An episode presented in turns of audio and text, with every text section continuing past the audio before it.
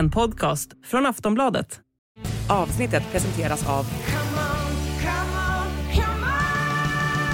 Stödvinnen.se, åldersgräns 18 år. In the supermarket, you have eggs class 1, class 2, class 3. And some are more expensive than others, and some give you better omelets. That's the wrong information.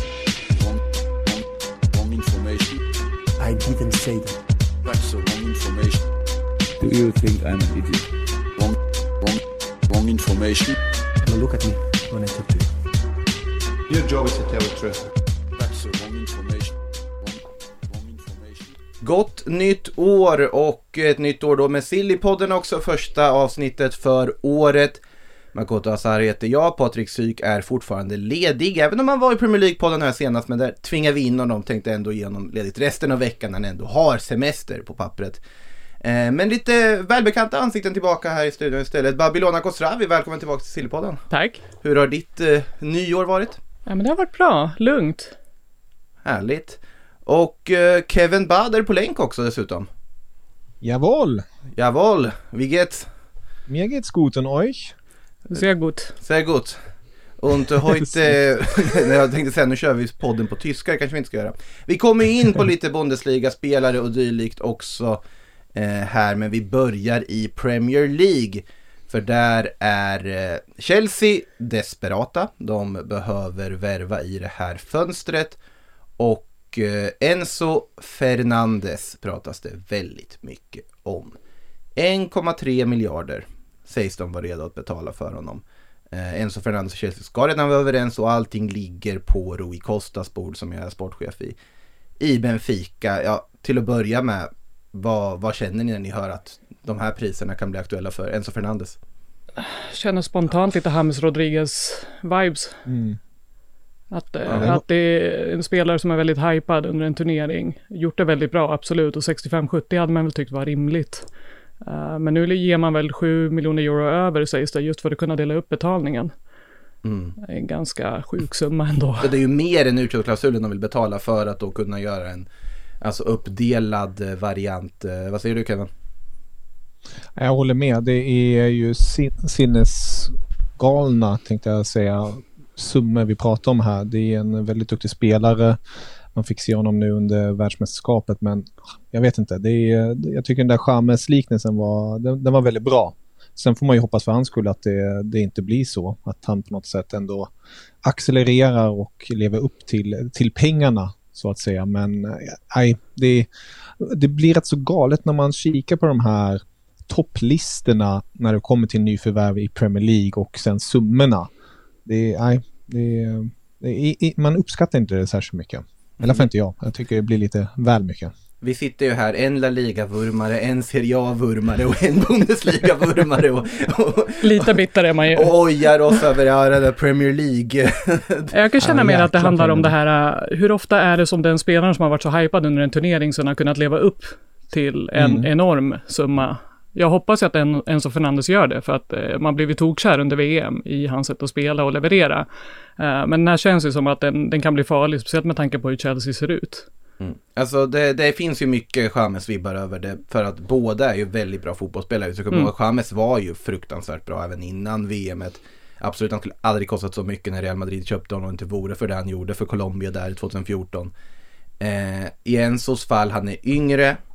Han, när Benfica köpte honom från River Plate för ja, 12 miljoner euro så var det ju ett sanslöst underpris sett till hans kvalitet egentligen. De eh, lyckades ju verkligen lura i princip alla toppklubbar som inte var med på den bollen. Eh, Real Madrid ska ju ha följt honom ganska länge och så vidare också, men Benfica lyckades slå till. Men att han ska ha gått upp alltså tiofaldigt på ett halvår. Det är väl- Bra business. Benfica är ju, gör ju helt rätt. Att sätta att vi säljer inte honom i det här fönstret. Vi har en utköpsklausul, titta på den om ni vill och är desperat och verkligen. Och Chelsea vet ju också sin situation. Att om det blir ett läge där det blir ett budkrig där han kan gå för mindre till sommaren, då vinner inte Chelsea. För att Chelsea har med stor sannolikhet inte Champions League-plats att erbjuda. De kommer med stor sannolikhet att ha klubbar som Liverpool och City och Real Madrid mot sig och då väljer inte Enzo Fernandes Chelsea. I Har. Liverpool eh, Champions League då? Nej, det är väl i och för sig sant också, men eh, likväl har Chelsea Liverpool hugget som stucket på så vis. Men alltså det, det blir ändå ett läge där de inte kan gå och vinna nu den. Och Chelsea har ju fördelen att de har pengarna för att bara kunna lägga nu. Sen hur de har dem, det kan man diskutera, men de, de har dem i alla fall på att kunna agera. De är inställda på att agera och spendera i det här fönstret. Och hinna före de andra. Så jag tror ju den här blir av. Jag tror ju faktiskt att de kommer att lösa det här och då ska ju vara den här veckan som är ganska ja, kritisk till att lyckas övertala Benfica att faktiskt gå med på det här. Vilket de borde göra. Gud, ja, det är bara ta pengarna. Ja, men de behöver inte heller sälja. De har ju sålt Darwin Nunez eh, för ett halvår sedan för väldigt mycket pengar också. Så de sitter ju i en väldigt, väldigt bra sitt. Och Gonzalo Ramos på det här så de kan få massa pengar för att de säljer i sommar. Så, men desto bättre business då med eh, en annat nyförvärv som Chelsea är på gång att göra. Något, ett nyförvärv som är mycket närmare Benoit Badiashile. Mittback från Monaco lär väl kosta runt 35-40 miljoner euro. Eh, hämtas då från Monaco. Det ska i princip vara klart. Här har jag sagt tidigare i podd också att jag tycker det är en kanonvärvning faktiskt. Eh, till mittlåset. Verkligen. Det är ju en spelare som, som kan tillföra direkt och ett Chelsea som ni var redan inne på där som slåss om en Champions League-plats. Flera klubbar i, i Premier League har ju det är lite roligt när man pratar om det i olika sammanhang. Då hör man att Spurs kommer inte ta Champions League, Liverpool kommer inte ta Champions League, Chelsea kommer inte ta Champions League. Sen är det så här, vänta, vilka kommer ens ta Champions League? Um, men det är ju en, en kamp där och, och Chelsea behöver ju allt de kan få på något sätt för att förstärka laget trots att de har öppnat plånboken som var den i somras. Du var inne på det tror jag i, i tidigare i veckan eller förra veckan om det var PL-podden eller om det var Silly-podden. Du är ju lite överallt Makoto. Men jag tycker ju det, just det här att man kickade Tuchel vid det skedet och sen Mm. Potter in. Det, det är så oacceptabelt och eh, taskig timing på alla sätt och vis. Så nej, vi får se om några nyförvärv den här, det här fönstret kan hjälpa Potter på rätt väg. Det var nog till och med igår jag var inne på det. Till och med, när jag tänker efter. Ja, till och med igår. Eh, Ja. kan, kan ha varit bra. Apropå det där du nämnde, nu, vi kan ju hoppa till det, eller ta elefanten i rummet direkt när du nämnde det, vilka tar egentligen CL-platsen och det är Newcastle är väl ett av de alternativen. Och eh, då har det ju dykt upp lite uppgifter i samband med att en viss Cristiano Ronaldo presenterats för Al Nasser. Eh, och nu är på väg dit och skriver kontrakt och alltihopa och han ska väl ha, det är väl till och med idag som hans stora presentationsceremoni ska äga rum inför 30 000 glada saudier i eh, Riyadh. Eh, det finns ju uppgifter om att det ska finnas en viss klausul i Ronaldos kontrakt. Att han då, om Newcastle, Saudiägda Newcastle, går till Champions League. Att han ska ha möjlighet att då gå till Newcastle på lån från Al Nasser för att ändå få spela Champions League. Igen. Eh, vad, vad säger ni när ni hör det? Alltså jag skulle inte bli chockad eh, att, att han jobbar in en sån just för att kunna få ytterligare mål i Champions League. Eh, man undrar ju vad resten av truppen skulle känna inför en sån grej. Alexander Isak och eh, Callum Wilson och gänget. Exakt, Vill Eddie Howe ha in Cristiano Ronaldo är också en fråga som är värd att ställa. verkligen. Eh, sen, sen nu ska det ju vara så att just klausulen på pappret enligt en annan markajournalist är också väldigt roligt. Så ska det inte finnas en klausul per se. Men att det är ju inte så svårt att lösa om man då skulle känna att "Nej, men jag vill åka till Newcastle och spela. Det är ju inte dåligt för det saudiska varumärket heller så att säga. Men eh, ja, Ronaldo alltså i Al Nasser och eh, officiellt presenterad, klar, ska, ska ha sin stora ceremoni och allting.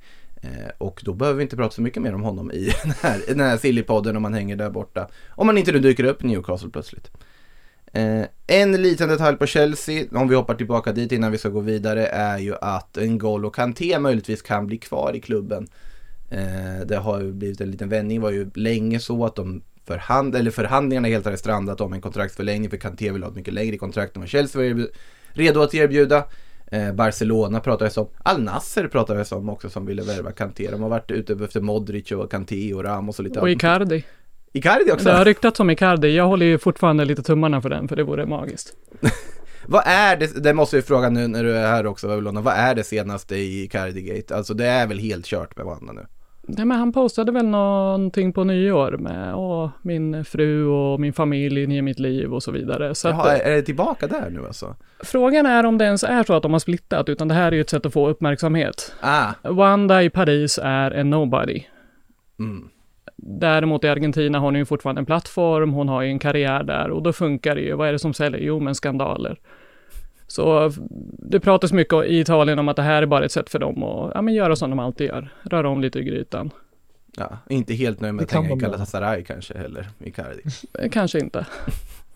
Eh, men i alla fall, vi får se om de kan lyckas plocka Icardi då, Al Nassr. Det hade varit något Icardi och Ronaldo på topp där. Ja, men då vill jag att han fortfarande är gift med Wanda, för Wanda är Saudi. Kom igen. Ja, det hade, ja, det hade varit eh, scenes så att säga. Ja. Eh, men i alla fall, N'Golo Kanté tror jag inte hamnar där för att han är i alla fall i förhandlingar med eh, Chelsea igen nu verkar som. Trovärdig uppgift som säger att det ändå är 50-50 om man kanske till och med stannar eller inte. Eh, till att börja med, är det rätt att förlänga med Kanté tycker ni? Alltså, Kanté är Kanté. Känns det lite Ja. som, en, om det, han kanske inte når till de höjderna han hade för ett par år sedan, men det känns som om Kanté lyckas hitta tillbaka någorlunda till en form som vi minns honom ifrån. Han är ju bara 38 år gammal, han följer 30, 32 senare i år. Det är en spelare som jag definitivt tycker fortfarande har en, har en plats på den här plattformen och kanske under Potter, under lite mer specifika instruktioner kan hitta tillbaka till, till något som kan hjälpa Chelsea. Kanske just det, det Chelsea behöver, ett, ett form av nyförvärv. Mm. Han måste ju bli skadefri först, det är ju det. Det är Mm. Det har varit mycket nu. väldigt mycket hela säsongen har varit söndertrasad och han verkar inte vara tillbaka förrän i ja, mars-april.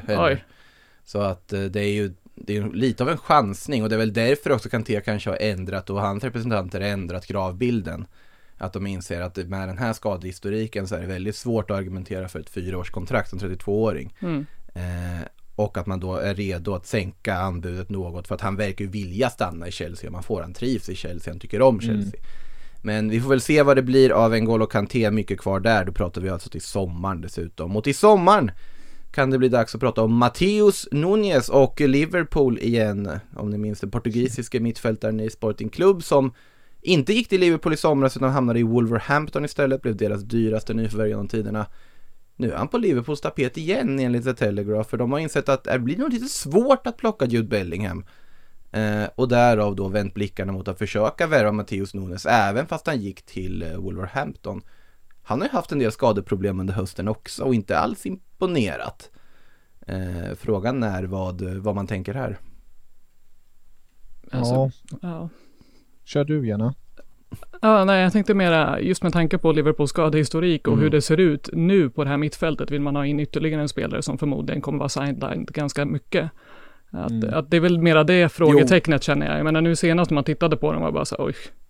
Ja, det var, det var ju inte jätteupplyftande det vi fick se mot Brentford här senast. Nej, Lugnt konstaterat. Så att, alltså de behöver ju mittfältare i Sverige, men till sommaren.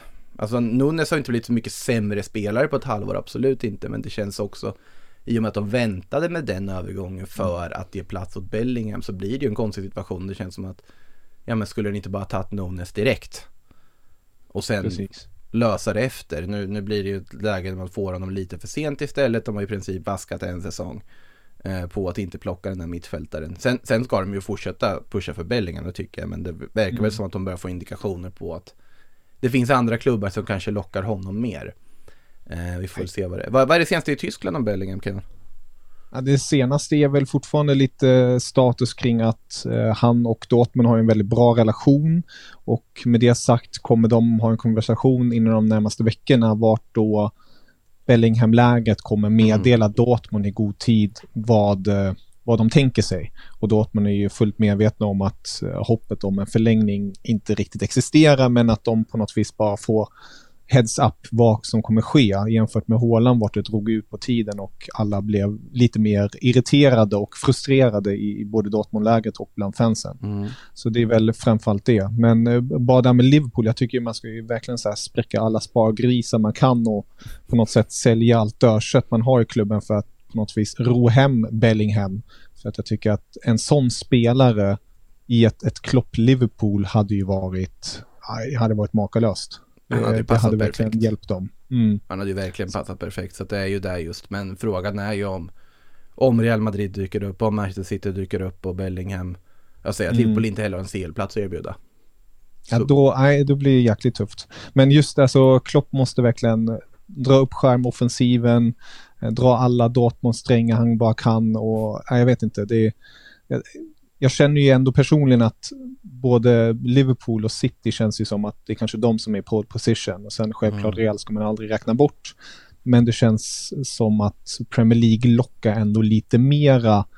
Och sen i City har han ju förhållandet till Haaland sedan tidigare och det finns ju en stor fascination bland många spelare att vilja tränas under Pep Guardiola. Ehm, Så ja, vi får se, det blir spännande kamp.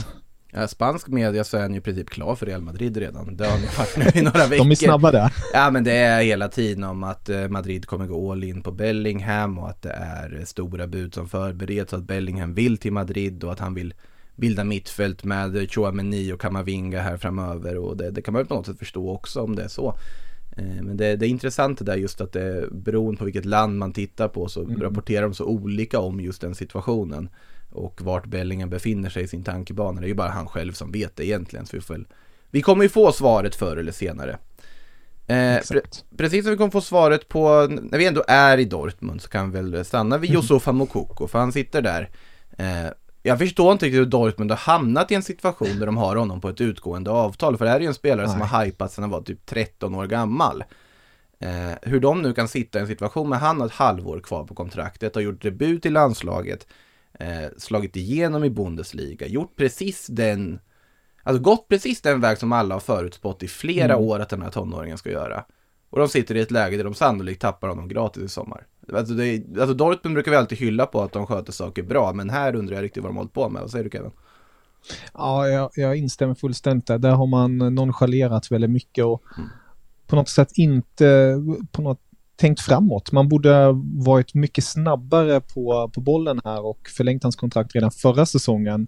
För att nu när det närmat sig, han fyllde 18 nu i november, det har varit lite ja, stridigheter mellan Mokoko och hans, hans familj som annars tog hand om annars, kontraktsförlängningarna och sådant. Men nu kan ju Mokoko själv bestämma. Och det som sägs verkar ju vara som att eh, Mokoko vill ha högre lön. Dortmund vill erbjuda honom runt 3 miljoner i grundlön. Per Och- år pratar vi då eller? Per år, precis. Eh, och sen en signing fee som Mokoko vill ska uppnå till cirka 10 miljoner. Något Dortmund inte vill lägga. Så det, det är ju just den ekonomiska aspekten som eh, skiljer parterna åt. Och det tycker jag är väldigt sorgligt med tanke på när man tittar på det sportsliga är det det bästa att stanna kvar. Alltså han har Edin Terzic, huvudtränare som eh, verkligen ser upp till Mokoko flera år tillbaka. De känner varandra när Mokoko var mycket yngre också. Så jag tycker det vore eh, nästan hål i huvudet om, om han lämnar Dortmund eh, och det hade varit extremt bittert tycker jag för, för Dortmunds del också om man tappar honom. Men nu är de senaste uppgifterna enligt tyska Sky meddelade att i dagsläget ser det mer ut som att han kommer gå och Chelsea har tydligen erbjudit ett konkret kontrakt. Och ja, vi får väl se om, om det blir Chelsea. Eh, Det har ju också snackats om Barcelona som en form av eh, arvtagare till Lewandowski i framtiden. Ehm, Så ja, nej, det, det blir också en dragkamp där. Vad säger du Babylona, vart tror du han går eller vart skulle du vilja se honom gå? Hellre i Barcelona i så fall. Även om jag skulle vilja se honom stanna ett par säsonger till i Dortmund. Just på grund av eh, ja, men, den historik som finns där och sen eh, som ung spelare och få det här förtroendet och få spela ett par säsonger till och vara given och inte eh, studera från bänken.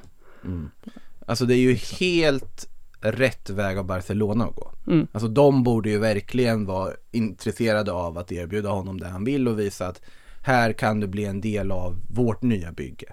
Hela det här pratet om man har haft i Barcelona, man ska bygga ett nytt Barcelona med unga värvningar kombinerat med äldre spelare som man värvar in på fri transfer.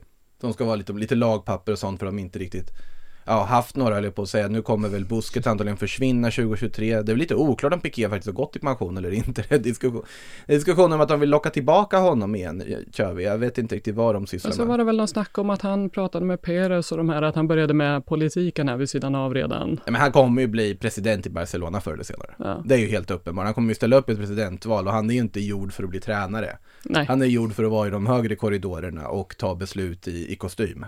Det är ju det som, det som Gerard Piqué vill. Eh, sen får vi se om hans spelarkarriär faktiskt är över eller inte. Det har varit lite snack hit och dit. Och Busket pratat om mer att ja, han kommer vara kvar säsongen ut. Det har till och med varit snack om att han ska dra redan nu i vinter. Eh, Barcelona ska väl ha en ganska lugn vinter här ändå sägs det. Eh, vi kan väl ta upp, vi har inte pratat så mycket Barcelona faktiskt i Sillypodden här under, inför det här januarifönstret och det har att göra med att det inte varit så mycket direkt där. Det enda är väl att de har någon form av dilemma på mittfältet för de vill ju ha Kanté som vi nämnde förut till sommaren. Eh, eller rättare sagt, Alemani, sportchefen, vill ha Kanté. Eh, klubbledningen vill ha Ruben Neves. Men Xavi vill ha Subimendi från Real Sociedad. Så att de inte riktigt bestämt sig vilken mittfältstyp de egentligen vill ha in till mittfält. De vet att de vill ha mittfältare i alla fall. Visst pratas det också bra. om att man vill skeppa Kessie nu? Kessie vill de skeppa för att han, han har inte alls kommit igång han har inte riktigt fått chansen heller och inte alls imponerat och där om de skulle kunna få bra pengar för honom och en bra försäljning så tycker jag att det faktiskt är bara att sälja för Kessies skull också för jag tycker det är slöseri på kvalitet att han sitter där han gör i den sitsen han, han gör just nu. Eh, Pratar vi om Tottenham vet jag att Sport skrev om i alla fall men Tottenham har ju den spelartypen. Det är inte den mittfältsspelartypen de behöver tycker jag. De behöver ju kreativare mittfältare än nu har ju Frank Kessie ganska mycket kreativa egenskaper också som är ganska underskattade överlag. I alla fall hade han det i Milan men Han känns ju ganska mycket som en Antonio Conte-typ dock. det gör han.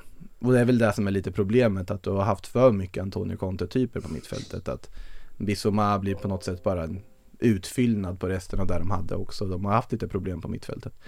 Eh, vi får se, Kessie ska väl bort på ett annat, men alltså Kanté, Neves, Subimendi är ju tre helt olika spelare till att börja med. Eh, sen det pratar vi om Jorginho också eh, till sommaren som jag tycker är ganska logisk ersättare eller arvtagare till Sergio Busquets, i alla fall om du inte har någon som du kan plocka upp från egna leden.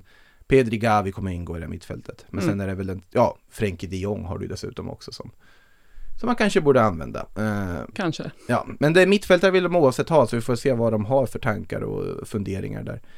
Eh, om vi går, vi nämnde ju Frank Kessie förut och de, han spelade ju tidigare i Milan. Eh, någon som spelar i Milan fortfarande men som också har funderats lite kring är ju Rafael Leao. Eh, senaste där Babylon är väl att han ändå kanske börjar närma sig att stanna va? Det är väl det som sägs just nu, Mm. är att man eh, börjar närma sig parterna. Milan vill ju väldigt gärna ha kvar honom, men där har man ju varit väldigt tydliga, även med spelare innan då, att vi går bara upp till en viss summa. Och vill inte det så är Mm. man till och med villiga att låta spelare gå då gratis. Nu har ju Leao ytterligare ett år kvar, Mm. så det är ju klart man ska förlänga med honom. Alltså det, det går ju att sälja honom senare i så fall. En väldigt bra spelare och har ju verkligen tagit det här eh, nästa steget. Ja men de, det är ju en sån spelare de ska rucka på lönestrukturen för. Alltså om det är så att de har en viss gräns, höj den gränsen om inte det räcker. Men Leao är ju definitivt värd det. Är det någon Ja, du ja, ska ja. bygga det kring så är det ju honom. Är det någon som Ja. du spränger banken internt för så är det ju Leao. Alltså det är ingen som skulle reagera i den truppen om Leao skulle bli klart bäst betald i klubben. Nej, jag tycker inte det. Nej, och det, för det har han förtjänat sett till hur han spelar. Eh, det senaste från Di Marzio var väl att det är 7 miljoner euro per år de vill Och då är det erbjuda. nettolönen alltid i Italien. Så Mm. det får man ju hålla Okej. i, i huvudet, liksom att det här är 7 miljoner netto. Okej, så att det betyder att det egentligen är ungefär då 15. Ja, till och med så. Ish, Ja. ja. Så, att, så att det här är ju en, hö, det är en väldigt bra lön i Mm. Italien. Jag tror att eh, Lukaku ligger väl på en 8. Mm. Eller han låg där på förra vändan i, i Inter. Så att det, det är ju en, av de högre lönerna då i Italien. Mm. Och det, det ska han ju ha sett och det förstår jag att de kräver också. Vi får se om han går med på det här men de senaste indikationerna är väl att ändå närma sig en förlängning och det hade ju varit, det är det enda Milan ska prioritera i det här fönstret. Han och Benazer att förlänga och. Benazer sägs ju också vara nära på Mm. att signa och där har man ju, man har gjort det väldigt bra de här åren. Maldini och Massara ska ju ha stor cred för hur Mm. man har värvat. Man har plockat in unga spelare som har suttit på rätt låga löner. Benazer har en och en halv miljon euro netto i lön nu och kommer nu bumpas upp då till fyra netto, Mm. vilket är liksom fortfarande i sammanhanget internationellt inte en särskilt hög lön. Men kommer göra skillnad för honom då och du kan fortfarande hålla ner lönerna i laget. Mm. Eh, och han sägs ju vara redo att acceptera den, så att det är också väldigt bra affär. Förutom att eh, han bidrar mycket på planen och har varit väldigt bra i Milan så är det här eh, bra tänkt framåt. Borde inte Milan och Inter vara och prata med Mokokos representanter också? Egentligen. Det hade ju varit alldeles för intelligent för Inter att göra. För billigt. Man gör inte så. Han, är- han är ung, han är gratis. Nej, vi väntar in en 35-åring. Vän, eller väntar in Marcus Thuram ändå? Eller har det helt svalnat nu? Nej, men Turam kostar ju pengar nu i januari. Så Jo, att men det är ju inte mycket pengar det kostar. man sitter och tigger ett lån på Acerbi. Alltså, det, det, det är inte liksom att, vi pratar så att det är inte mycket pengar, men för Inter så är ju Mm. varje krona just nu, eller varje euro blir ju en summa som måste skakas fram Mm. någonstans. Man sitter ju fortfarande och försöker förlänga med spelare som är tongivande i laget. Eh, och att då skaka fram 10 miljoner euro, 12, 15 vad det nu är det pratas om. Och så har du United som också sägs vara intresserade som spenderar de här pengarna på typ kaffe på arenan. Alltså det här är inte... Eh, Tyram känns ju lost. Mm. Och vad, vad blir det då istället? Vi kan väl gå över till just inte det här läget till att börja Måste med. vi? ja, det måste vi. Jag är ledsen. Vi måste det. Jag, jag har bara en kort fråga där. Eh. Apropå spelare och vars kontrakt går ut i Milan. Eh, vad är status på Oliver Giroud? För om jag inte misstar mig går hans kontrakt ut i sommar. Är det lite... Ja, men de vill väl förlänga där också?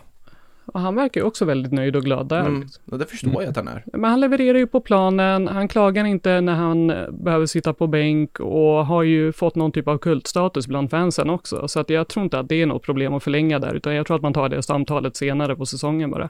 Det är väl att man vill veta om han har tänkt att förlänga också till att börja Ja, med. men vill han vara kvar här eller vill han Ja. gå någon annanstans? Mm. Eh, han har väl även pratat förut om att kanske avsluta i Frankrike.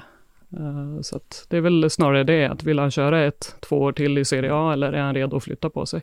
Så jag tror att det hänger mycket på vad han känner för. Mm. Det är ju en sån också som, alltså du, du får ju ingen större förlust i värde om du väntar med en sån förhandling. För Nej, att Giro hade ju inte genererat en transferintäkt ändå, så det kommer ju bli klart ganska sent. Det är ju samma sak som med ja, Luka Modric i Real Madrid nu, som Mm. är alltid fram och tillbaka och skriver bara kontrakt på årsbasis. Eh, eller Toni Kroos nu som har utgående också och så vidare. Att äldre spelare behöver du inte stressa med på samma sätt. Däremot om du har spelare som eh, Rafael Leao och Ismael Benazer då är det stressläge även när det är ett och ett halvt år kvar på kontraktet. För Mm. du vet att du sitter i en jättejobbig sits. Man vill inte hamna i läget med Donnarumma, Kessie och så vidare igen. Nej. Och det har de ju gjort på att de inte riktigt skötte på rätt sätt innan. Nu kanske de har lärt sig, eller åtminstone får vi se om de har gjort det, om de lyckas lösa Leao lyckas lösa Benazer. Det verkar ju tyda på det i alla fall, Mm. att man är väldigt eh, snabbt ute där och i hur klubben pratar om Mm. spelarna, att man gärna vill ha dem kvar och så. Och nu har du ju ingen Raiola heller på andra sidan, så att det hjälper väl också. Ja, i, i förhandlingarna kan jag väl onekligen tänka att det, det kanske är mindre, mindre krav på så vis då. Eh, men ja, Inter som sagt, du kommer inte undan här nu. Till att börja med läget med Milan Skriniar. Ja, hans kontrakt går ju ut i sommar. Mm. PSG var ute efter honom hela föregående sommaren då, eh, då när det var ett år kvar och Inter sägs ha sagt nej då till ett bud på, vad var det, 50 miljoner euro som det pratades om. Ja, de började ju skambuda först PSG. Ja, de gjorde Ja. det och de jobbade sig upp till 50. Hade Mm. de kommit med 60 tror jag att de bara hade satt en rosett på och liksom sagt hej då. Eh, men nu kom det inte ett sånt bud förrän typ Mm. de sista dagarna på fönstret och då hade ju fansen bränt ner träningsanläggningen och man hade gjort en sån grej och ersatt med typ Acerbi. Mm. Eh, så att det här blir ju också att det är ju så otroligt dåligt skött. För jag menar, tackar du nej till det budet från PSG, då förväntade i alla fall jag mig att, ja men två veckor senare då, då kommer man ut med, nu har Skriniar förlängt, glad bild med tröjan och hela det här kittet. Nu sitter du här i januari och han har fortfarande inte förlängt. Och det här är din bästa mittback. Ja, och det, det här är ju en spelare som vill vara kvar i Inter. Det är ju Han- det som är viktigt. Det här är ju en Han, han gjorde sig av med sin förra agent vid den förra förhandlingen. Mm. För att liksom, han ville själv förhandla med klubben. Mm. För han ville vara kvar medan agenten var ute och shoppade runt lite. Mm. Och han var så nej men jag vill stanna här. Jag trivs i staden, min fru trivs, vi är liksom, det här är bra. Eh, och nu har man då haft en hel sommar där man i princip haft skylten till salu på Milan Skriniar. Du sätter på honom en kaptensbindel lite då och då och försöker locka med det, men fortfarande så har du varit villig att lyssna på anbud hela tiden. Du har haft en sportchef som har gått ut och sagt att det är lättare att ersätta en försvarare än en anfallare, när det var snack om att Lautaro skulle säljas. Eh, och så fick du inte det här budet. Och nu sitter du i situationen att du har förutom Skriniar också De Frey som är på utgående kontrakt. Och där, till skillnad från Skriniar, så är man nog rätt okej med att släppa honom gratis om han Mm. går. För jag menar, där har du en spelare som har varit på nedåtgående i ett och ett halvt år, har inte alls levererat på samma sätt och så, så det kanske är läge att bara tack och hej. Men du måste fortfarande ersätta den spelaren numeriskt då, då måste du ta in någon. Och ska du då Och då har även redan tappa... tagit Acerbi. Var låt. han, han, han, han har varit bra, alltså han, han, är, Ja, han har definitivt levererat, men Ja. det, är så, det, ty- det är också på det här att det finns inget framtidstänk i det här, Nej. för du pratar ju med en spelare som är liksom på fel sida 30, återigen, Mm. Och som du tar in på lån ett år och sen så ska du tigga någon rabatt av Lotito för att få köpa honom för en billig summa sen i sommar. Och det är bara så ja, men framåt då, och då har du ju Milan Skriniar som är peak nu i sin ålder, har tagit ytterligare kliv, en ledarfigur, en naturlig nästa kapten. Och och man väntar fortfarande på den här förlängningen och senaste snacket är att man erbjudit 6 miljoner euro netto då, plus bonusar Mm. och förmodligen då kaptensbindeln. Det borde han väl ändå kunna tänkas ta. Det beror ju på, jag menar om PSG erbjuder 8-9 netto. Ja, vilket inte är otänkbart. Nej. För att de är ju fortfarande väldigt sugna på att värva Milan Skriniar. De är ju det, och jag menar Hakimi fick ju närmare 10 så att Jag, jag förstår inte varför inte Premier League-klubbarna terroriserar det mer.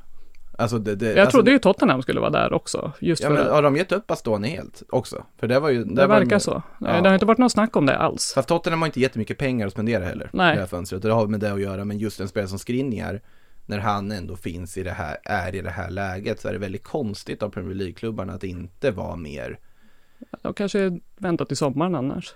Det var väl lite lösa rykten om Arsenal läste jag. Det var ganska länge sedan var det inte det? Ja, det var nå- någon gång läste jag. Ja. Ja, Nej, men för jag vet att jag också har Ja. läst det, men sen har det inte kommit igen. Och det Mm. hade ju varit en väldigt vettig värvning, för att det är ju en modern mittback. Eh, Stark Ja, fysiskt jag och liksom han har ju... bra så att det, eh, Nej, vi får väl se vad som händer med Skriniar, men det är osäkert läge fortfarande och in kommer det väl inte jättemycket i dagsläget om, eh, eftersom det inte finns pengar eller? Det finns inga pengar. Eh, Man skulle behöva sälja något dödkött och det är ju ingen som är intresserad av Roberto Gagliardini och de här. Och det är ingen som kommer betala 60 miljoner euro för Denzel Dumfries, som de ändå typ har pushat för att. Nej, där pratades om att Denzel Dumfries ska inkluderas i dealen då på något sätt i sommar då för Lukaku. Ja, jag vet. Alltså allt det, du vet som, pratade lite med Kevin här inför om att jag är inne i ett väldigt toxiskt förhållande med mitt Inter och det har varit rätt skönt med uppehåll, VM, allt det här. Det var jätteskönt. Jag är inte redo för imorgon när man ska bli massakrerad av Napoli. Ja, och gänget. Kvaradona och Simmen, alla utvilade. Luciano Spalletti som har liksom blivit kickad av Inter och nu äntligen ska få den här ligatiteln och Men det är ju då, då Inter plötsligt vinner när det är så uppenbart att man tänker att även Napoli kommer vinna det här med förmodligen och sen så 8-0. kraschlandar man i matchen efter. Ja, precis. Och förlorar mot, jag vet inte, Cremonese eller Typ. något istället. Ja, men Alltså. det, det är så det kommer gå. Eh, hur, hur känner du då Kevin inför Bundesliga om vi, om vi går över till Tyskland? Eh, vi kan väl börja med Marcus Thuram. Eh, För att det verkar ju inte bli Inter då, men United ska ju vara intresserade också. Tror du han hade passat United? Ja, alltså jag tycker Toram är en sån där anfallare som jag tror skulle passa eller tillföra de flesta topplagen. Han är, han är stor, han är stark, han är fysisk. Han är kanske lite ja, oslipad i vissa grenar, men jag tycker ändå att han har kvaliteten att spela på den största av största scenerna och United, varför inte? De behöver en anfallare. Eh, han, han skulle kanske kunna passa in där som den där nian som de eh, är ute efter nu när Ja, Ronaldo var ju ingen nia, men det var ju deras nummer ett där framme. Nu bombar ju Rashford in bollar en efter en, så vi får väl se om de ändå är ute efter honom. Men enligt uppgifter är United en av klubbarna. Jag vet att PSG har också snackats om, men de är ju ute efter, ja, det känns som varje spelare som är aktuell på transfermarknaden. Men eh, ja, Turam, jag gillar skarpt. Han, han borde verkligen de flesta stora klubbarna var ute efter. Bayern München har också ryktats om, men jag tror definitivt att United är klubben som eh, är pole position och det är också en klubb enligt bild som eh, Thuram kan tänka sig gå till. Ja, det var väl fyra klubbar han kunde tänka sig. Det var väldigt Mm. intressant att han ändå liksom dragit ner det till att det finns fyra drömklubbar han vill spela för. Mm. United var en, Inter var en annan, Bayern München, var de med där? Minns du vilka det var? Stämmer Bayern och sen PSG också. Ja, PSG ingick i den kategorin också. Väldigt intressant. Han ville verkligen inte till La Liga, Marcus Thuram, det kan vi Ja, konstatera. Det var ju tydlig med. Eh, No Spain. Ja, inte för att det hade varit särskilt trovärdigt att han skulle hamna där, men eh, som sagt United börjar ju känna, att- alltså med den prislappen, att, att Det är bara Gladbach, plocka. men att Gladbach kräver så lite för att Mm. släppa honom nu i vinter. Eh, Ja, alltså de, de, de sitter ju i en rävsax med många spelare. Vi lär ju komma in till en annan spelare som också har ett utgående kontrakt, men här, här försöker de ju förlänga, men eh, de har inte lyckats det senaste året Mm. att förlänga med Toram.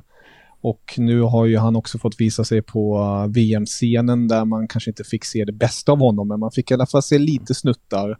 Och jag tror det attraherade nog en och annan klubb. Och med tanke på att han också är utgående, det är ju, ja, det är väldigt tacksamt. Ändå ganska sanslöst vi sitter här och pratar om Gladbach och utgående avtal ännu ett år med tanke på Ginter, Zakaria, Ja. Alltså vad, Mm. vad håller de på med där? Alltså det, det, det, är liksom, det är ju tongivande spelare som, det verkar ju inte vara Mm. någon som vill förlänga med Gladbach i Men är det inte där vi rör Nej. oss ganska mycket med spelare? Jo, till viss del, men alltså det är ju bättre spelare som är aktuella på fri transfers nu för tiden än vad det var förr. Så Mm. är det ju. Verkligen, och, och det är ju, jag, har, jag vet inte vart jag läste det eller så, men jag, det var någon som också var inne på det spåret och eh, det finns ju något i det att spelare nu för tiden förlänger kanske heller inte kontrakten alldeles för länge så att de har det här härliga utgångsläget om man nu gör det bra. Mm. Att kunna ja, antingen eh, verkligen kräva mycket av en klubb för att ens kontrakt går ut så att man inte lämnar på free transfer eller att man får den där fina signing fee om man då lämnar på free transfer och går till en respektive klubb. Så eh, det, det är ju verkligen en trend som har blivit allt starkare och i Gladbachs fall är det ju tyvärr lite mer eh, komplicerat och invecklat. Man hade ju före detta sportchef Max Ebel som lämnade för ett år sedan och ja, då var det mycket lösa trådar upp i luften och en av de lösa trådarna var just många spelarkontrakt vars, vars framtid var väldigt osäker och eh, där sitter nu Toram, en av dem. Han är väl rätt så lyckligt lottad med tanke på att han har starka aktier. Vi har en annan vid namn eh, vänsterbacken Rami Benzebaini som är så gott som klar till Dortmund då. Han, hans kontrakt går ju också ut. med- Otroligt Dortmund-kompatibel värvning. Jättefin värvning. Skriker Dortmund-värvning och plockar Benzebaini på fri transfer Det stämmer. Eh, Och sen, ja. ja.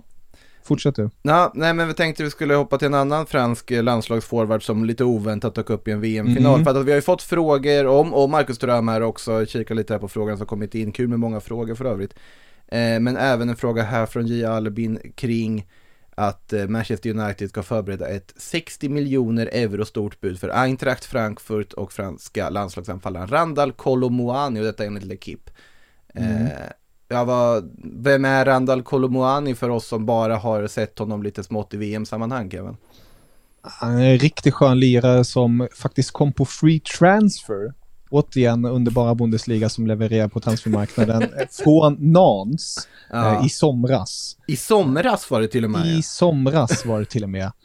Så Eintracht skulle göra världens affär om man säljer honom nu här för 60 miljoner euro. Men han har kommit in där, han är en, eh, som man såg i VM, en lite större, lite ranglig anfallare. Men som har ett fint målsinne. Han har levererat i ligan redan, han är uppe i tvåsiffrigt när det kommer till assist. Han har gjort en del mål också. Mm. Fint samarbete med Mario Götze som också spelar Eintracht nu för tiden. Och Mm. enligt uppgifter vill eh, lägret Moani egentligen stanna i Eintracht i cirka ett, två år för att på något vis sen ta nästa steg. Mm. Men eh, jag kan tänka mig, fortsätter det så här också till våren så kanske en, ett avsked redan sker då. Han är ju, han är inte pur ung som Mokoko, men han är nyss fyllda 24 år så han har ju en hel, en hel del framför sig. Ja, men sen 60 miljoner euro. Alltså jag, jag har ju svårt att se United vilja betala det för Ja, det- Randall Colomuani här och nu. Nej, jag, har, det, det har jag också. Det, har Ja. jag också. Det, det känns väldigt konstigt. Eh, Jag vet inte vart, vart de fick de uppgifterna ifrån riktigt. Det är Självklart. L'Equipe, Liksom. Det är inte, Exakt. Det är inte fichages.com som har varit igång. eh, de, enligt dem skulle nu Frenkie de Jong gå till United igen också, läste jag för övrigt. Men det är en annan sak. Eh, nej, det, vi får väl se vad som händer. Men Colomuani alltså kan eh, göra, Eintracht som kan göra väldigt fin business där. Om de kanske skulle få någon såld redan i vinter, vi får väl se. Eh, en sak till här på Bundesliga när vi är där som också vill gå igenom är ju läget i Bayern München. Eh, Mm. Ja, det mest akuta är väl målvaktsläget. Ja, definitivt. Det, det är ju Neuer eh, bjöd ju på en riktigt uselt VM. Det gjorde ju hela det tyska landslaget, behöver inte gå längre in på. Vi har, Ja, vi har det- inte pratat sedan dess, Kevin. Nej, det, det, har, det, har, det, har, det, jag har inte gjort det med någon. jag tror vi behöver då en längre inspelningsperiod och eh, ett och annat glas eh, med eh, något dämpande i eh, för att nej, det är en tagg som, som sitter i så jag, jag lämnar den just nu men Vi ska inte prata Eh, Takuma Asano idag då. nej, det, det, Förlåt, vi kan gå vidare tillbaka till målvakterna och Neuer. Jag ville bara, ja, Jag vill lyssna på den podden dock. Så ni får styra upp det känner jag. Vi, vi får lösa det. det låter som en AV snarare än podd tror jag. Ja, det, det också. Kan bli en kombo. Men eh, Neuer, eh, han, han beslöt sig för att köra en afterski-aktig grej istället på sin eh, se längre semester och eh, bröt ben och annat och är ju borta resten av säsongen. Väldigt snyggt gjort.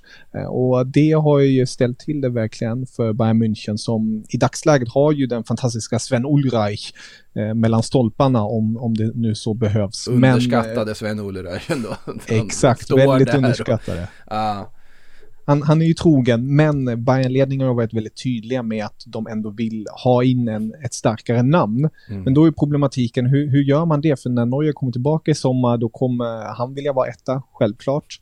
Eh, De har ju Max Nubel, den unga, eller unga är han inte längre, han är närmare 25 nu, men också ung för att vara målvakt dock. ung för målvakt, helt rätt. Kommer också från Schalke, kom på free transfer till Bayern, men har ju lånats ut nu till Monaco så att han ska få speltid. Han har varit väldigt tydlig med att han inte är särskilt intresserad av att eh, återvända i dagsläget till Bayern på grund av att ja, han vill ju spela regelbundet och vill inte precis konkurrera med Neuer för att han vet hur det kommer sluta. Däremot har det nu snackats mer och mer om en viss Gladbach-spelare. Det känns som att Gladbach är i fokus här idag. Och det är då supermålvakten Jan Sommer. Han är ju också till åren men eh, han håller ju fortfarande en jäkligt hög kvalitet. Och hans kontrakt går ut i sommar med Gladbach. Gladbach kan tänka sig sälja honom faktiskt i vinter nu för 5 miljoner euro. Och Sommer ska enligt tyska Süddeutsche Zeitung ha sagt att jag skulle gärna vilja gå till Bayern. För han kan tänka sig ställa sig mellan stolparna i Bayern nu till våren och sen faktiskt ta upp kampen med Neuer till nästa säsong. Som alla vet kommer sluta med att Neuer vinner. Men eh, Sommer verkar ändå taggad på att ta sig an den här utmaningen. Och den, eh, det, det hade ju varit någonting. Det har ju också snackats om Kevin Trapp. Men där gick eh, Eintrachts eh, sportchef Krösche ut och sa att det är total bullshit och att det är bara agenten som vill eh, på något vis trissa upp hans lön i löneförhandlingen som väntar härnäst. Tripp, trapp, trull. Nej, men eh, vad, heter, vad heter det, Jan Sommer, jag förstår inte riktigt hur han kan vara så lågt värderad. Alltså Nej. när United tittade på honom till i somras som något sorts rotationsalternativ till de Gea och man nämnde Jan Sommer i samma mening som liksom Begovic och Dubravka. Det var så här, men vad, vad, är, vad är det ni håller på med? Alltså Jans, vet ni vilken nivå Jan Sommer har som målvakt? Jag tycker alltså, såklart han kan ta upp kampen med Neuer.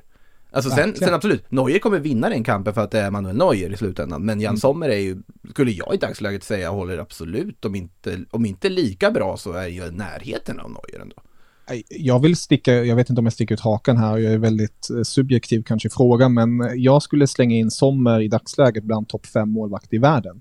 För jag tycker att han, eh, självklart bjuder han på en och annan eh, konstig tillställning då och då, men framförallt när det kommer till de här större matcherna, då är han en mur. Han, eh, vi, vi fick ju se hans ligarekord nu i höstas när han räddade 19 eller 20 Mm. bollar av Bayern München. Det, det var ju, alltså, se Gnabrys frustration i ögonen. Alltså, han, han ville ju, jag vet inte vad han ville göra, men eh, inget gott i alla fall mot Sommar.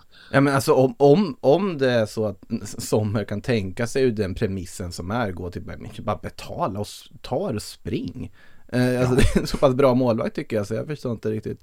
Eh, Nej. Det är ganska fascinerande för United inte bara slagit till heller med tanke på om det är sånt pris vi pratar om och de ändå funderar på att byta ut de Gea. Eh, det, det är fascinerande faktiskt måste jag säga. Eh, det läget.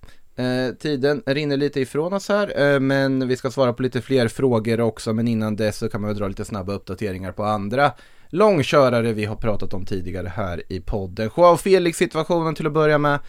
Eh, Atletico Madrid, de ska kräva 235 miljoner kronor för ett halvårslån av Joao. Felix. Men då, då räknar vi alltså även in lönen, alltså lönebidraget. De vill ha 15 miljoner i hyra plus då, ja nu pratar jag, nu, nu bytte jag valuta mitt i alltihopa. Eh, de vill ha 15 miljoner euro i hyra och de vill ha 6 miljoner euro som ska täcka på något sätt lönen. Så det är 21 miljoner euro som i då, i alla fall två dagar sedan, vad heter det, växelkurs var 235 miljoner kronor. Det vill säga ungefär 250 idag då, om man tänker på hur snabbt det går. Men, äh, skämt åsido. Eh, och, men likväl, United och Arsenal, de vill ju värva eh, Joao Felix. De är intresserade, de har haft prat med eh, Jorge Mendes, agenten. Men de är väl inte sugna på att betala fullt så här mycket för Joao. Eh, men det ska väl vara om de skulle få in en köpoption eller något så kan jag faktiskt tycka att det ändå är eh, rimligt. Eh, det är ju fortfarande en fruktansvärt bra spelare, men det är inte helt heller uteslutet att han faktiskt stannar i Atletico Madrid. Han startade ju ändå senast och gjorde mål dessutom, så att vi får väl se vad som händer där. United, Arsenal, Chelsea är det väl som jagar främst. Ja, vi kan fråga, vad, vad tror ni Joao hamnar i slutändan?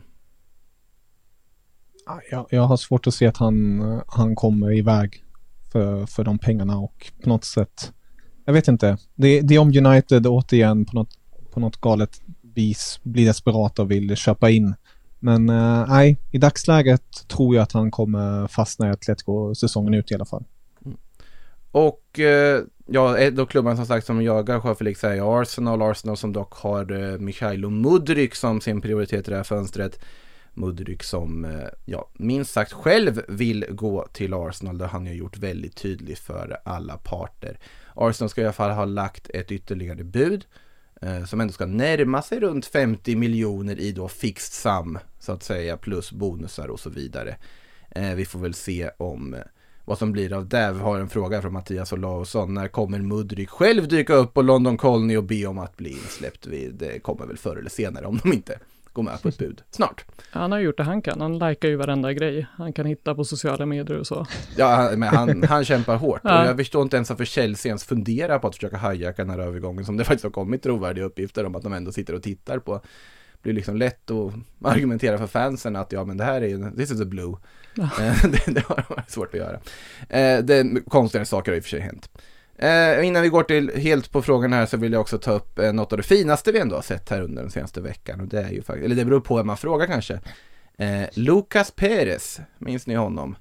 Anfallaren som eh, Arsenal-anfallaren Precis, han som var i Arsenal en sväng har ju spelat i eh, La Liga där nu efter eh, och har varit i Cadiz det senaste året. Det kom ju nu förra vinterfönstret, hjälpte dem att hålla sig kvar och skaffa nytt La Liga-kontrakt och sen så har han varit en av klubbens, ja bättre spelare faktiskt här under hösten också. Cadiz som ligger på nedflyttningsplats i La Liga. Men Perez drar i vinterfönstret för han är ju född i A Coruña. Och han har följt vad Deportivo La Coruña håller på med nere i den spanska tredje divisionen. Där de just nu är på en fjärde plats strax utanför då playoffplatser. Och Perez bestämmer sig då för att nej, jag måste ner och hjälpa dem. Jag orkar inte se Depor i tredje divisionen. Så han har betalat halva sin utköpsklausul själv ur egen ficka på 5,5 miljoner för att aktivera den och gå ner två divisioner för att spela för Depor igen, som han hade sina bästa år i 14 till 16. Åh, vad fint. Ja, det är ju jättefint. Han hoppar ner två divisioner och så ska gå ner och spela i tredje divisionen. Det här är spelare som var alltså Cadiz bästa målskytt i La Liga under hösten. Gjort tre, tre mål totalt, säger en del om Cadiz också, att de tre mål räcker att vara bästa målskytten i, i laget. Men en spelare som alltså håller bra La Liga-nivå, vartenda nyckelspelare, ska nu till tredje divisionen och börja försöka stänka in mål och skicka upp Depor igen. Och absolut, det här är jättefint. Men jag lider ju med Cadiz, som alltså ligger på nedflyttningsplats. Och man märkte det på reaktionerna på att Ja, alltså, vilka, alltså de ser honom som århundradets svikare. Okej, du går för att rädda dem, men att vi håller på att åka ur, det skiter du fullkomligt i. Han kanske kommer tillbaka när de har åkt ner. För att, För att hjälpa dem då. Ja, men hans meddelande var ju också det här, liksom, tack, ja, vi löste det tillsammans, ja, i våras ja. nu, nu ska jag iväg för att bege mig ut på ett äventyr. Som, eller och uppfylla en dröm, skrev han väl på.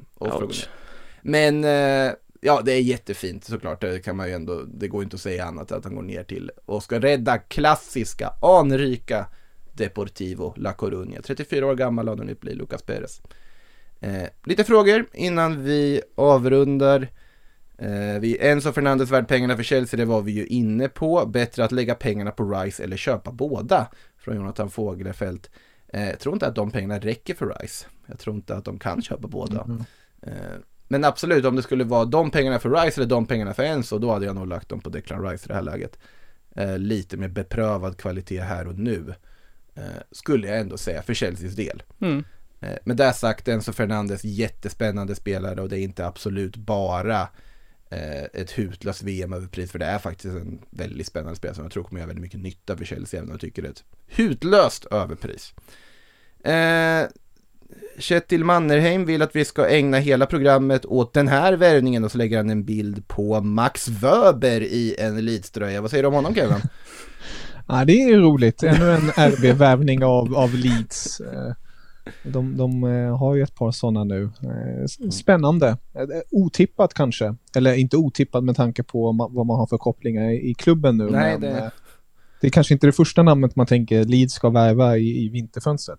Alltså en back, 24-årig back från RB Salzburg är väl exakt vad man tänker att Leeds ska värva med tanke på hur de, hur de sköts nu för tiden. Ja men han kan ju spela till vänster, han kan spela i, framförallt i mitten då, men alltså just de behöver ju en vänsterback för att uh, Junior Firpo, no shit, han är inte så bra. Eh, och Struik är bättre i mittlås tycker jag, så att alltså få in Wöber där är väl en bra addition till uh, Leeds-defensiven. Eh, Fredrik Verkligen. Nilsson vill ha en rimlig backup högerback till Chelsea när James är skadad. Inte för bra, rimligt. Inte för bra. Alltså, en rolig, roligt krav tycker jag. Eh, rimligt pris, vem? Dumfries nämnde du ju där Ja, tidigare. det är väl det. Ja. Vad är rimligt pris för Dumfries då? Ja, det är inte en halv miljard tycker jag. Men det är ju det som Inter kommer vilja ha idag. Det är ju det 49. man kommer begära. Ja, 45 då. Ja, det är ju ett rimligt pris Ja. för den för Dumfries. Uh, Juranovic har ju pratats om också. Eh, som väl kanske också ingår, ingår i kategorin inte för bra snarare. Dumfries är väl lite för bra egentligen för att vara ett backup-alternativ. Kan jag tycka. Ja, han bör ju få Mm. spela. Spontan tanke. Joakim Mähle. Ja, ja, han är ju fin. Mm. det var lite kul. Ja, Det borde inte vara för dyrt att lösa ändå kan man tänka. nej. Ja. Inte- alltså om man skulle gå för, eh, prislapp. alltså nu tror inte jag att eh, Napoli kommer släppa honom med det av intresse med Di Lorenzo. tänker jag också, också en sån spelare som Mm. hade passat ganska bra men det finns ju inte. Alltså De- i Napoli är man ju ganska bra på att vara osentimentala. Så när man får ett bra bud på en Mm. spelare så tack men, och hej. Men tror du Di Lorenzo skulle gå då? Tror inte jag. Alltså, han- Inte när man har chans på en nej, ligatitel. nej, nej, nej, och han har den rollen han har, det Ja. finns ju inte på kartan. Eh, men ja, det finns ju många höger wingbacks, det kan man i alla fall säga. Nu tittar vi bara på Serie A där dessutom. Ja, förutom Juranovic då som är ju sälj. För du tänkte rimliga priser då eller? Det är tyvärr det jag tänkte. Det är ju tyvärr det. Det är ju tyvärr så enkelt. Alltså det går ju att titta på La Liga och välja ut några högerbackar där också, men då det är ju också ligan som har levererat Emerson Royal och Junior Firpo till, eh, till Premier League så det kanske är bättre att titta på Serie A. Som i och för sig levererar typ Zappacosta och annat. Så att, Ja men Zappacosta, ja. Ja, det, ja, Chelsea Ja. kanske inte går i den, den fällan igen. Eh, vi tar en fråga till innan vi stänger ner. Eh, du, du, du, vilken tar vi? Vi tar den här från Ola. Emery börjar få fason på Villa. Tror ni att Emery tar in något i januari eller kör man vidare på det som finns i truppen? Eh, det är väl lite sånt här läge att de slår till ifall läget dyker upp. Mm, Är väl lite känslan man får va? Ändå. ja, Alltså och det de... är ändå... Det är väl om man ska ha, det är väl någon mer offensivt alternativ vill han ju ha och antagligen vill han ha kanske någon prägel från det han höll på med i Villarreal. Alltså om Danjuma eller Nicolas Jackson dyker upp så känns inte något av dem förvånande. Till exempel. För det är också speltyper de inte riktigt har. Eh, det, det är väl där jag tänker mig. Det har pratats lite om Alex Moreno vet jag från eh, Betis också. Som kopplades väldigt mycket Premier League-klubbar i somras. Eh, då skulle han ju vara en rak ersättare till Ludvig Augustinsson i sånt fall då. Och vara ett komplement till din. Vi får se vad de gör men det känns som att de inte behöver i alla fall stressa Villa. Utan de har gjort den viktigaste ändringen. Och det är att Emery är där istället för Steven Gerrard. Ser riktigt bra ut. Ja, jag tycker de, det, de kommer nog att klättra i den här tabellen. Och det ska de göra sett till materialet de har. Mm. Men det skulle inte förvåna om typ Pau Torres dyker upp här från, mitt från ingenstans. Att det, det, har varit så, ja, men det har varit så tyst om Pau Torres i toppklubbarna. Och då känns det ju som att det är upplagt för att typ Villa eller Wolves eller något plötsligt bara dykt upp och kommit överens om så här hutlöst låg summa som de hämtar in honom från. För att det är ju så Premier League-klubbarna jobbar nu för tiden. Att de plötsligt dyker upp de spelare som vi som vi tycker om så mycket i våra respektive ligor som då dyker upp i mittenklubbar i Premier League istället för i toppklubbar i La Liga, Serie A och. Bundesliga. Ja, det är otroligt deppigt. Eh, jag vet inte vart Hinkapi hamnar. Har du hört något där, Kevin? Alltså prislappen som Dortmund kräver för honom är ju sanslöst låg till exempel. Ja, det är eh, oklart fortfarande vad, vad som kommer ske där på den fronten. Mm. Ehm, men det är, ja, det är många som håller på och går mot utgående kontrakt. En vänsterback som är utgående kontrakt, eh, Guerreiro, om man är sugen på någon offensiv. Tänkte jag flög iväg i tankarna i Chelsea igen, men de behöver ju på högerbacken. Men om man skulle kunna skola om honom eh, skulle han ju vara någonting definitivt där. Ja, men bara som eh, vänsterback överlag så är det väldigt bra värvningar Ja. man kan Mm. göra där. Finns Oh ju, ja, och, fin- och med tanke på utgående kontrakt också, alltså få, för den pengen och den rutinen, det är ju Mm. tacksamt. Ja, verkligen. Nej, det finns mycket att fynda i eh, de andra europeiska toppligorna onekligen i det här fönstret. Det kan vi konstatera när vi då sätter punkt för denna Silly-podd. Ja, vi kan ju nämna ett sånt annat rykte att eh, Weston McKennie kopplas till Bournemouth från Juventus. Det är väl ungefär, det är ganska sammanfattande för dagens transfer. Ouch. Ouch, kom det bara. Verkligen. Men i Juventus kan man ju bara så Ja. slänga in som att man behöver nog sälja spelare. Händer det inte nu i januari så lär det komma i sommar med tanke på hur finanserna ser ut just nu Mm. och den utredning som finns. Ja, just det, utredningen som pågår där också. Det är Ja. inte helt, eh, helt rent mjöl i påsen så att säga. Äh, det verkar ju ha varit en del eh, cooking the books. Eh, så att där blir det intressant att följa hur det, hur det Mm. blir då. Och så att det här ryktet om McAllister känns ju inte helt rimligt just nu. Eh, om det inte är så att man får McKennie sålt till överpris och kan komma överens då. Ja men alltså det, Juventus är och för sig bra på att plötsligt lyckas få igenom så här övergångar att man inte väntar sig att de ska göra. Alltså McAllister är ju en sån att jag kan inte se att de skulle kunna möta Brightons priskrav. Eh, Men McAllister verkar ju vilja till Juventus, för det är Mm. någonting speciellt att spela för Juventus, såklart det är där. Så att, eh, ja, vi får väl se, det är ju, ja jag har svårt att se det dock, i alla fall i det här fönstret. Ja, just nu i- januari känns den väldigt tuff. Sen inför sommaren så får man ju se vad de hittar på där. Det pratas ju om att Vlahovic inte trivs alls med Allegri och kanske vill vidare då. Eh, och kan man lösa den försäljningen då, eller om Allegri inte är kvar eller vad man nu får se, liksom att det, det, det lär hända en hel del i sommar. Ja man hoppas ju för Juventus skulle att det snarare kanske är Allegri man gör sig av med än Vlahovic. Gud, ja, Vlahovic är ju otroligt Inte fin. Alltså jag han blir bär ju... ju dem själv. Ja, men han är jättebra. Eh, synd på skadorna. Mycket ljumskskador på honom på slutet som är lite oroväckande att det kommer redan i så här ung ålder. Eh, men det är ju en väldigt fin spelare som man hoppas att Juventus lyckas hålla kvar. Lite rörigt VM med Serbien får man väl lugnt konstatera dock. Inte bara för honom dock. det, var, det var många som var inblandade i den där serbiska soppan. Så var det. Eh, med det sagt, eh, stort tack Babylona för att du ville komma in. Stort tack Kevin för att du ville med också. Och Tack. stort tack alla lyssnare. Sillypodden är faktiskt tillbaka senare den här veckan också. För nu kör vi ju två i veckan. Planen i och med att vinterfönstret är öppet. Så Får då jag blir skicka det... med en sak där då? Vad? Vad sa du? Får jag skicka med någonting till er då till, eh, till nästa avsnitt? Som Du får kan- skicka med. Ja, det här med, med tanke på Premier League-klubbar som kanske inte når Champions League-plats. Och Mm. då tänker jag på Spurs och då tänker jag på Harry Kane och då tänker jag självklart på Tyskland och ryktena det har snackats om Harry Kane och Bayern München och Bayern har ju varit väldigt tydliga med att de, de tittar ju självklart på Kane men han är en, han är en Spurs-spelare. Eh, Vi säger nu att Spurs inte når Champions League i den här säsongen. Vad händer då? Alltså det, det där är ju ett rykte som inte vill dö. Tydligt. Det är ju väldigt spännande just på att det där lever ju fortfarande just Harry Kane, Bayern München. Och visst vill man se det? Ja, och kontraktet är inte varit förlängt. Nej. Så att ja, det, det, det, det är verkligen en aspekt att ha med sig inför framtida transferfönster om inte annat. Att det där Bayern München-intresset är genuint. Och jag tror att det har varit väldigt spännande att se honom i Bayern München också. Och framförallt i Lederhosen. Harry Kane i Lederhosen. Harry. Kane Inte alls sugen på den faktiskt. Ja, Harry Kane som ska stå och göra den här hälsningen med ölen på Oktoberfest. Ja.